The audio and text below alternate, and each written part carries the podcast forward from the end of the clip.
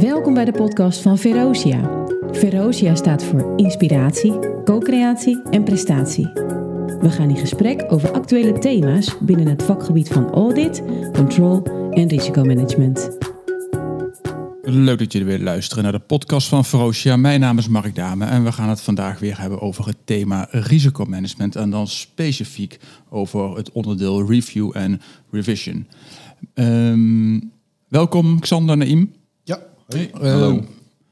Wie van jullie wil de spits afbijten met dit eh, onderwerp? Nou, dat wil ik wel doen. Ja? Eh, dit onderdeel, de review en revision, gaat eh, over ehm, een heel belangrijk onderwerp. En dat is je aanpassen aan veranderde omstandigheden. Nou, we weten allemaal, de oude notie, verandering is de enige constante. Ja, dat is waar als een koe, ook een Ja. cliché geworden inmiddels. Maar dat is wel wat hier speelt. Eh, hier kijk je naar wat is er in mijn omgeving veranderd. Eh, heb ik, eh, dat kan van zijn nieuwe wetgeving, nieuwe concurrent.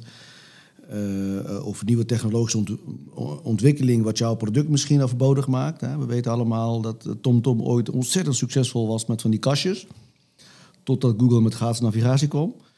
Ja. Dus dat weg businessmodel. TomTom heeft zich gelukkig opnieuw, opnieuw uitgevonden.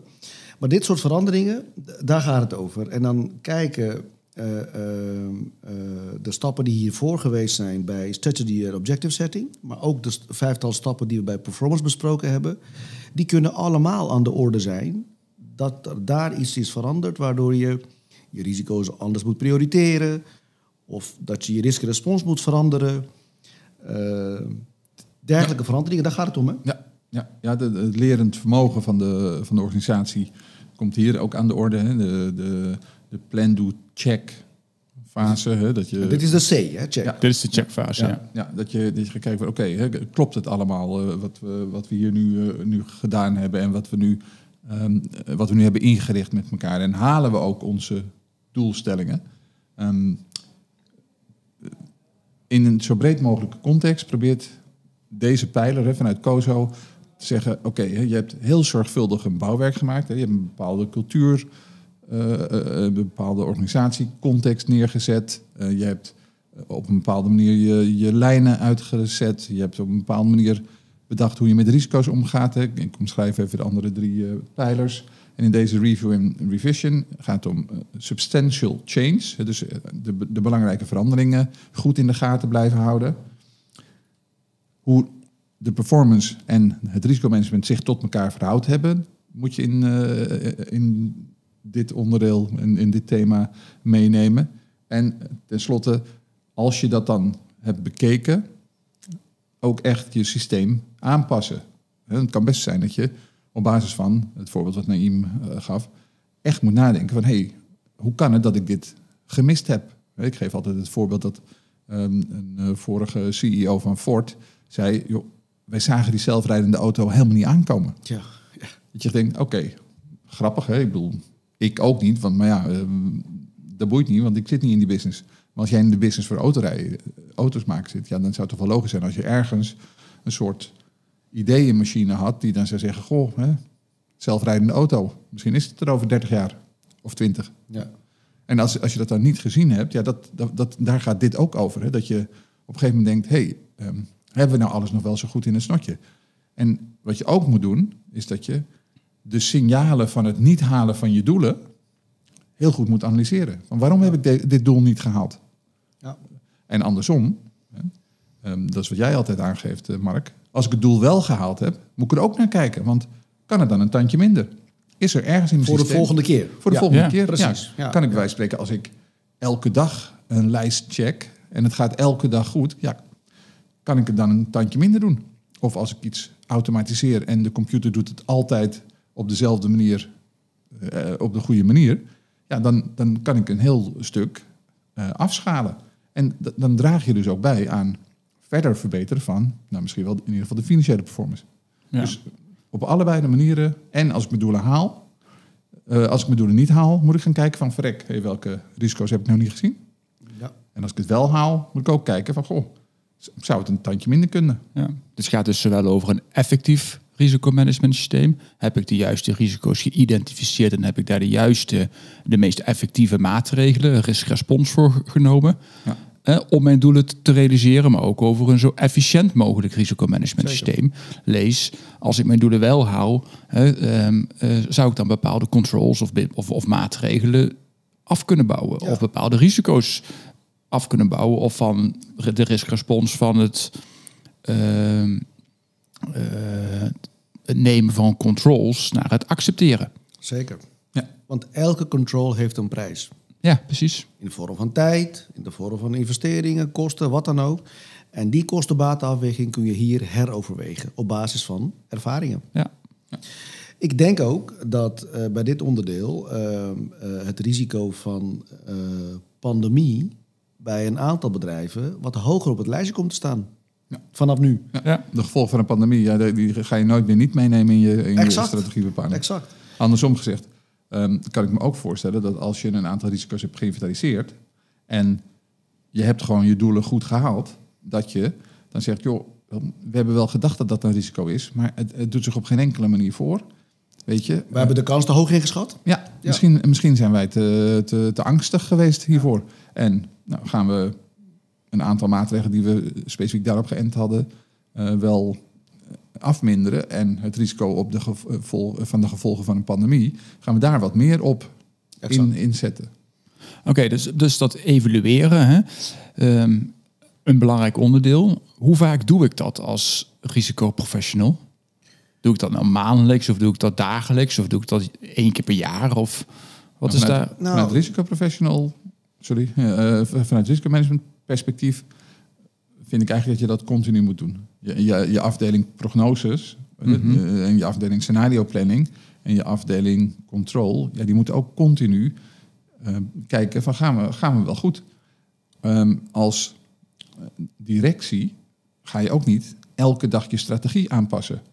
Maar het is wel zo dat je elke dag input krijgt die, als je dan een moment neemt om na te denken over een andere strategie, dat je die meeneemt in je overweging. En dat is eigenlijk wat je hier ook moet doen.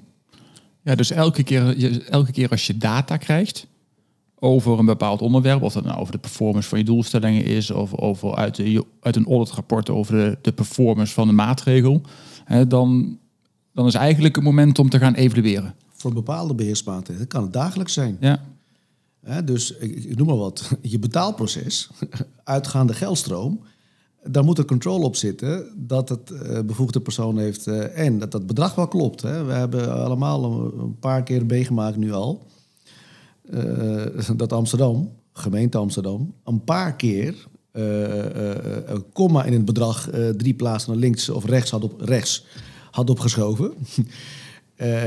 Dat is een voorbeeldje. Maar, dus dit, eh, het reviewen en aanpassen kan zijn op een beheersmaatregelniveau. Maar het kan ook zijn dat je kijkt naar strategische risico's. En dat doe je niet dagelijks. Hè? Eh, dus je moet je strategie ook even de tijd geven. Precies. Hè? Dus review en revision op, op strategisch niveau is, ik zou kunnen zeggen, jaarlijks of tweejaarlijks. Maar ga je naar je operationele risico's en je dagelijkse bedrijfsvoeringsrisico's, dat sommige beheersmaatregelen moet je elke maand even kijken of ze wel goed werken. ja. En sommige moet je per, per dag kijken of ze wel goed werken, afhankelijk van eh, onderliggende frequentie. Ja, het is ook natuurlijk zo dat je als je input krijgt en je ziet, even het Naïms voorbeeld van een pandemie, en je ziet dat je in één keer niet meer ehm, geleverd krijgt uit Duitsland of uit, eh, of uit het buitenland, omdat de grenzen in één keer dicht zijn. Ja, dat betekent dat je meteen daarop moet acteren. Dus een heel zwaar signaal betekent dat je meteen moet gaan nadenken over oké, en wat nu? En ja, dan een, eh, ook redelijk snel van hoe de F hebben wij dit gemist? Hè, eh, Ja. waarom wa- waren we hier niet op voorbereid? En dat soort vragen. hè, Want dan moet je dus eh, ook in je systeem wat, eh, wat andere dingen doen. Ehm, kleine signalen, dan kan je zeggen, hey, nou, de klanttevredenheid een tikje omlaag, hm, toch, even, toch even in de gaten houden. Niet meteen op acteren, en niet, maar ja. en dat neem je wel mee. En als dat tien dagen, tien weken, tien maanden, weet ik veel hoe vaak die data beschikbaar komt, omlaag gaat. Ja, op een gegeven moment zeg je, nou, nu ben ik er klaar mee. Dit, nu moeten we er echt wat, eh, Ja, wat mee doen. exact. ja. Nog een eh, risico waarvan ik denk dat die in de prioritering gaat eh, veranderen bij diverse bedrijven, is het vanuit het continuïteitsoogpunt eh uitwijktest. Dus eh, was, elke jaar was er een kijk. Stel er wat gebeurt in het gebouw, kunnen wij dan op een andere locatie onze bedrijfsvoering voortzetten? Dat punt. Ja. Nou, dat is, terwijl iedereen thuis werkt, is dat natuurlijk niet meer aan de orde. Nee. Dus dat, je kunt, eh, je, ik kan me voorstellen dat risico voortaan in de risicoanalyse laag gaat scoren. En voorheen was het altijd de, een van de hoogste risico's. En elk jaar een hele team die erop zat en organiseren van de uitwerktesten en uitproberen. Ja, dat hoeft dus niet meer, want iedereen werkt thuis. Uitwer uitwerktest is geslaagd. Ja, ja exact. Ja, wat, je, eh, wat je ook eh, ziet, dat die nieuwe, dat nieuwe type eh, risico's ook maakt dat je ehm, als het ware beter wordt in het identificeren van risico's. In het daarover nadenken. Want Je leert daar continu. ja, als wij twee jaar geleden. eh, nou, is het twee jaar geleden? Ja, eh, even voor gemakshalve. Hè, stel dat je twee jaar geleden zei: Goh joh, pandemie, iedereen dik een jaar thuis, geen enkel terrasje meer open. En, ja, dan was je natuurlijk niet helemaal serieus genomen. Nee. En, en nu, als je zegt: Jongens, eh, ik durf te wedden dat er binnen vijf jaar weer twee keer een pandemie en twee keer een lockdown komt. Dan, ja, oh, oké.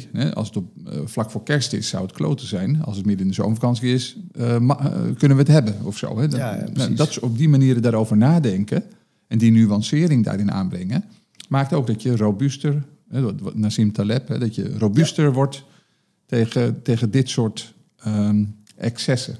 En dat maakt dus ook dat je in je risicomanagement systeem dat ook moet meenemen. Ook dus moet zorgen dat je de mening van de vloer, van joh, ehm, denk eens even groot. Wat nou een pandemie, hè? de hele business ligt stil. Wat nou als driekwart van de Engelse markt niet meer eh, te bereiken is door een brexit. Wat nou als... Hè? Dat zijn allemaal elementen waar je de vloer in mee moet nemen. Van, joh, hoe kijk jij daar nou tegen? Wat doen we daar nou aan? Of wat wil jij als medewerker van deze, deze mooie club... wat wil je dat ik daar als directeur in eh, verander of in, in doe? Ja. En dat zijn allemaal verbeteringen ook dus voor je risicomanagement systeem. Oké. Dat is precies het laatste punt Ja, hier. precies. Hè? En dat is het doorvoeren van verbeteringen in je ERM-systeem. Ja. Kwalitatief beter. Exact. Betere kostenbaatafweging, betere riskresponses, eh, andere prioritering. Allemaal verbeteringen die eh, op basis van ervaringen doorgevoerd eh, moeten worden. Oké. Dat, is- dat is naast de verbeteringen die, die toch al continu gebeuren, omdat organisaties eh, makkelijker leren om risico's in hun bedrijf op te lossen. Ik hoorde van bijvoorbeeld eh, de Binkbank die eh, gevraagd werd van goh, dat identificeren van medewerkers, of van klanten, hoe doe je dat nou? Hoe zorg je nou dat je res- res- respectabele klanten binnenkrijgt? Zei ze, nou, dat is heel makkelijk. We vragen gewoon of je een Rabo, ABN AMRO of ING-rekening hebt. Want die, die screenen hun klanten tenminste goed. Dan hoeven wij het dus niet te doen. Als je zo'n rekening hebt, dan ben je bij hun naar binnen gekomen. Ja, dan ben je voor ons ook goed. Dus dat is een hele grappige manier. Niet duurzaam als iedereen dat doet, maar dat is een grappige manier om om te gaan met risico's, om tegen risico's aan te kijken. En, dat, en dat, ook dat verbetert. Hè? Ja. Oké. Ja, Mooi voorbeeld. Dankjewel heren. Dankjewel weer voor deze bijdrage. Luisteraars, jullie bedankt voor het luisteren. En ehm, tot de volgende podcast. Tot de volgende keer. Dank jullie wel.